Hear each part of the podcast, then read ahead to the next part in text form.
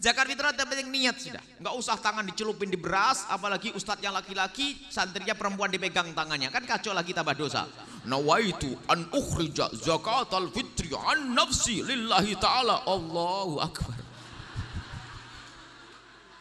Kenapa Ustadz kok bikin repot orang awam? Sampai ada orang lupa nggak niat nangis bingung. Saya tadi belum niat. Saya, Sudahlah niat dari rumahmu sendiri.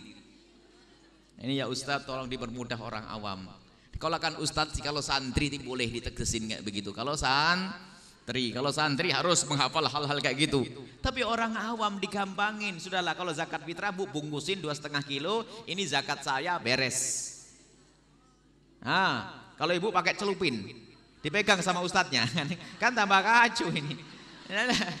Ini udah ada usah dicelupin sudah sah. Kenapa harus sulit urusan begini ini? Ya biar ustadznya punya kerjaan.